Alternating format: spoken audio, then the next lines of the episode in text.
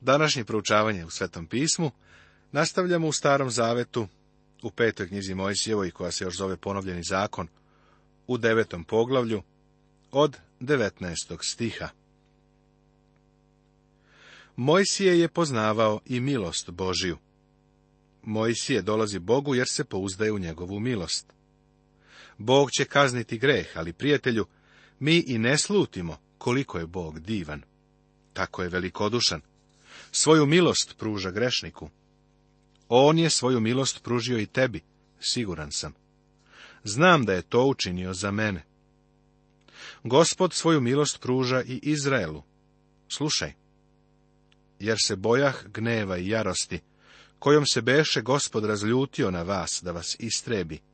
I usliši me gospod i tada. Bog je slušao Mojsijevu molitvu ne zbog toga ko je bio Mojsije. Bog je njegovu molitvu čuo jer je bio milostiv. Apostol Pavle to razjašnjava u poslanici Rimljanim u devetom poglavlju u petnestom stihu. Jer Mojsiju govori, smilovaću ću se na onoga prema kome imam milosti i sažalit ću se na onoga prema kome imam sažaljenja. Bog je suveren i u svojoj suverenosti on pruža milost kako je divan. Mi ne možemo dovoljno shvatiti ove dve Božje osobine, njegovu mržnju prema grehu i njegovu milost. Beše se gospodina Arona razgnevio veoma, da ga šćaše ubiti, ali se molih tada i za Arona. I uzeh greh vaš koji učiniste, tele, i sažegoh ga ognjem, i razbih ga i satrga u prah, i prosuh prah njegovu potok, koji teče sa one strane. Da ovaj događaj nije bio tako tragičan, bio bi smešan. Mojsije je naterao ljude da popiju svog idola. I u Taveri, i u Masi, i u Kivrot Atavi gneviste gospoda. I kad vas posla gospod iz Kadis Varnije, govoreći, idite i uzmite tu zemlju koju sam vam dao, opet se suprotiste reči gospoda Boga svojega, i ne verovaste mu i ne poslušaste glasa njegova. Nepokorni beste gospodu, otkad vas poznah. Ovo je rezime. Nije bilo dana u kome su se ovi ljudi našli verni pred Bogom. Kakva slika! Skloni smo tome da na njih kritički upiremo prstom. Ali šta je sa današnjim vernikom? Plašim se da mnogi od nas, čak i u konzervativnim crkvama, nismo verni Bogu čak ni jedan jedini dan. Hvalimo se zdravom verom, što lepo zvuči, ali je ta zdrava vera zaspala. Zato padoh i ležah pred gospodom četrdeset dana i četrdeset noći, jer beše rekao gospoda će vas potrti. Ovo je bilo nakon što su odbili da uđu u zemlju, kod i svarnije. Mojsije je poznavao Boga. Mojsije je znao da Bog osuđuje greh. I molih se gospodu i rekoh, gospode, gospode, nemoj potrti naroda svojega i nasledstva svojega, koje si izbavio veličanstvom svojim, koje si izveo iz misira krepkom rukom. Opomeni se sluga svojih Avrama, Isaka i Jakova, ne gledaj na tvrđu naroda ovoga, na nevaljalstvo njegovo i na grehe njegove da ne reku koji žive u zemlji odakle si nas izveo, nije ih mogao gospod uvesti u zemlju kojim obeća ili mrzio je na njih, zato ih izvede da ih pobije u pustinji. Jer su tvoj narod i tvoje nasledstvo, koje si izveo silom svojom velikom i mišicom svojom podignutom. Mojsije je znao kako da se moli. Voleo bih da se ja tako molim. Sjeti se da je Bog prethodno u 12. stihu rekao, jer se pokvari narod tvoj koji si izveo iz Misira. Zamisli Mojsija koji govori Bogu da je Bog napravio grešku. Mojsije kaže, nije to moj narod, oni su tvoji. Nisam ih ja izveo iz Egipta, ti si. Oni pripadaju tebi. Mojsije podsjeća Boga da će narodi u zemlji misliti da Bog nije mogao da uvede Izrael u obećenu zemlju, da je uspeo da ih izvede iz Egipta, ali ne i da ih uvede u zemlju. Ovakva molitva pokreće Božju ruku. Evo ovdje sada stoji Izrael spreman da uđe u zemlju, što nam pokazuje da je Mojsije znao kako da se moli. Poglavlje deseto Tema Bog je poslao Izrael u Egipat. Bog ih je izveo iz Egipta. Kao što je Mojsije u svojoj molitvi izrazio, Izrael pripada Bogu. Oni su njegovo nasledstvo.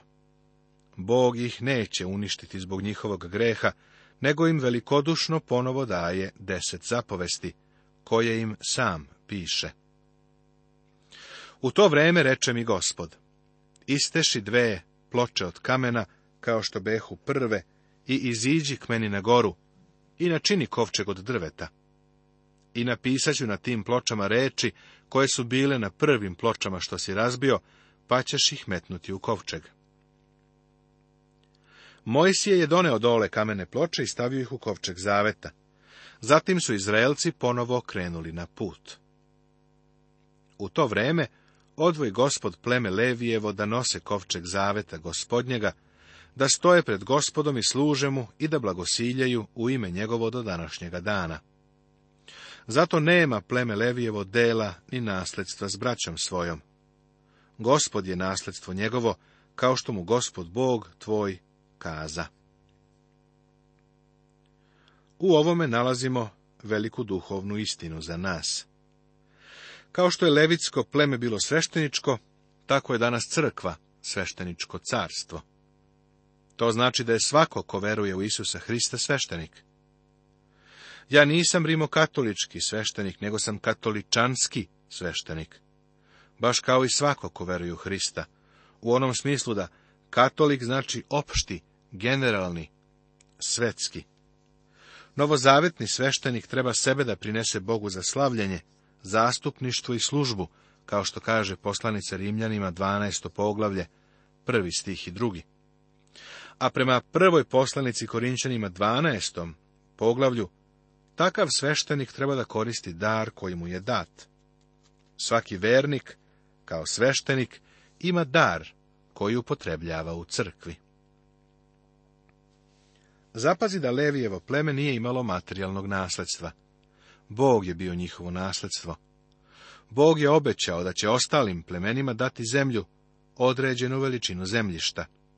A kada ih je blagoslovio, bio je to zemaljski blagoslov. Ovo nije obećao Leviju. U ovoj poziciji se nalazi i današnji vernik. Poput Levija i mi imamo nasleđe u Bogu. Blagosloveni smo svim duhovnim blagoslovima na nebesima. Sada, dakle, Izraelju, šta ište od tebe, gospod Bog tvoj, osim da se bojiš gospoda Boga svojega, da hodiš po svim putevima njegovim i da ga ljubiš i služiš gospodu Bogu svojemu iz sveg srca svojega i iz sve duše svoje. Ne bi trebalo da napraviš grešku misleći da je ovo evanđelje. Ovo nije evanđelje. Treba da smo Bogu zahvalni za to, jer da zavisimo od ovoga ti i ja ne bismo bili mnogo blagosloveni. Držeći zapovesti gospodnje i uredbe njegove, koje ti ja danas zapovedam, da bi ti bilo dobro, da ih je Izrael držao, bio bi blagosloven. Kada su ih prekršili, sud je dolazio na njih. 1500 godina Bog je preko Izraela pokazivao svetu, a samim tim i tebi i meni, da se zakonom ljudi ne mogu spasti. Ovaj narod, pod povoljnim uslovima, u zemlji usklađenoj sa zakonom nije uspeo da održi zapovesti. A ako oni nisu uspeli da ih održe, onda ne možemo ni mi. Hvala Bogu što nas danas On spasava blagodaću. U stvari, blagodat je uvek bila Božiji metod. U starom zavetu Bog nikada nikoga nije spasao zakonom. I tada su se ljudi spasavali Božijom milošću i blagodaću, očekujući da dođe Hristos i da umre na krstu i ukloni njihove grehe daje pravicu siroti i udovici i ljubi došljaka dajući mu hleb i odelo.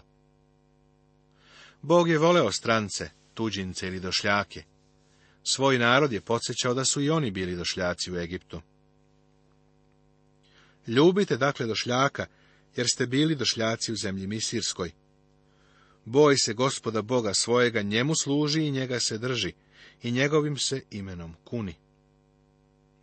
Gospod Isus je ovo citirao kao odgovor Sotoni. Sećaš se, gospod je sigurno dobro poznavao petu knjigu Mojsijevu, kao verovatno i svaki Izraelac u to vreme. Sedamdeset duša beše otaca tvojih kad si iđoše u Misir, a sada učiniti gospod Bog tvoj, te vas ima mnogo kao zvezda nebeskih. Nad njima je bio očigledan Boži blagoslov. Bog ih je poslao u Egipat i izveo ih je iz Egipta. Bog je bio odgovoran i nije mu smetalo da uzme na sebe tu odgovornost. Poglavlje 11. Tema Obećana zemlja nije kao Egipat. Principi uzimanja zemlje. Bog im ovdje govori o zemlji u koju treba da uđu obećana zemlja uopšte neće biti slična Egiptu. Bog će im dati principe koji su potrebni za zauzimanje zemlje. Poziv na predanje Ljubi, dakle, gospoda Boga svojega i izvršuj jednako što je zapovedio da izvršuješ, i uredbe njegove i zakone njegove i zapovesti njegove. Poslušnost je odgovor na Božju ljubav. Zato držite sve zapovesti, koje vam ja danas zapovedam, da biste se ukrepili i nasledili zemlju, u koju idete da je nasledite, i da bi vam se produžili dani u zemlji, za koju se zakle gospod ocima vašim, da će je dati njima i semenu njihovu, zemlju u kojoj teče mleko i med. Oni su bili navikli na navodnjavanje polja u Egiptu jer zemlja u koju ideš da je naslediš nije kao zemlja misirska iz koje ste izišli, gde si sijao svoje seme i zalevao na svojim nogama kao vrt od zelja. Kada sam bio u Egiptu, rekli su mi da su padavine tamo godišnje manje od tri santimetra. To baš nije mnogo kišnih padavina. Bio sam na jednom mestu na Havajskim ostrvima, gdje su godišnje padavine više od 300 santimetara. Vrlo velika razlika Egipat je očigledno zavisio od navodnjavanja. Principi zauzimanja zemlje Nego je zemlja u koju idete da je nasledite zemlja u kojoj su brda i doline i natapa je dažd nebeski.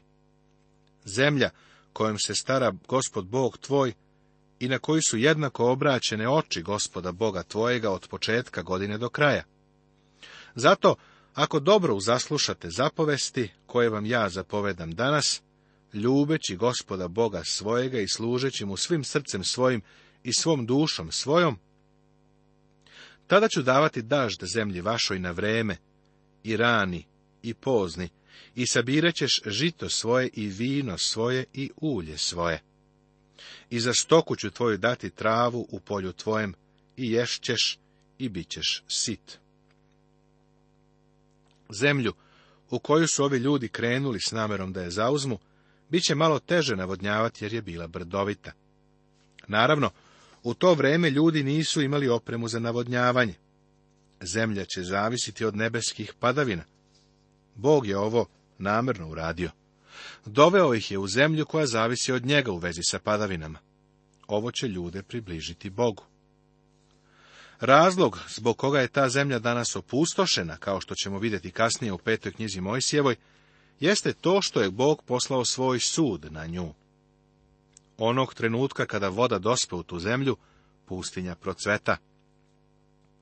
Zemlji je potrebna voda, a ljudi tamo čak i danas imaju problema sa vodom. Bog im je rekao da će zavisiti od kiše. Da su mu bili poslušni, on bi ih blagoslovio, ranim i kasnim kišama, odnosno prolećnim i jesenjim padavinama. Posmatrajući tu zemlju, možeš uočiti duhovno stanje naroda. U bogatom društvu kakvom mi danas živimo, gdje se sve lako postiže, plašim se da ljudi smatraju da Bog sa tim nema nikakve veze. Ne znam zašto ljudi misle da ako se nešto lako postiže, da su onda to oni učinili da je to njihova zasluga ali kad se nešto ostvaruje s poteškoće, onda Bog mora biti uključen u to. Međutim, Bog je taj koji nam obezbeđuje sve naše telesne potrebe. Bez obzira na to, da li se nešto dešava lako ili teško, Bog je i dalje taj koji nas obskrbljuje. Jer ako dobro uzdržite sve ove zapovesti koje vam ja zapovajdam da tvorite, ljubeći gospoda Boga svojega, i hodeći svim putovima njegovim i njega se držeći, ovdje je vidite dat veliki princip zauzimanja zemlje. Tada će oterati gospod sve ove narode ispred vas i nasledit ćete narode veće i jače no što ste sami. Svako mesto na koje stupi stopalo noge vaše, vaše će biti, od pustinje do Livana i od reke, reke Efrata, do mora zapadnoga bit će međa vaša neće se niko održati pred vama. Strah i trepet vaš pustit će gospod Bog vaš na svu zemlju na koju stupite, kao što vam kaza. Primetit ćeš da je zemlja dar od Boga. Bog im je dao zemlju koja je mnogo veća nego bilo šta drugo što su ikada zauzimali.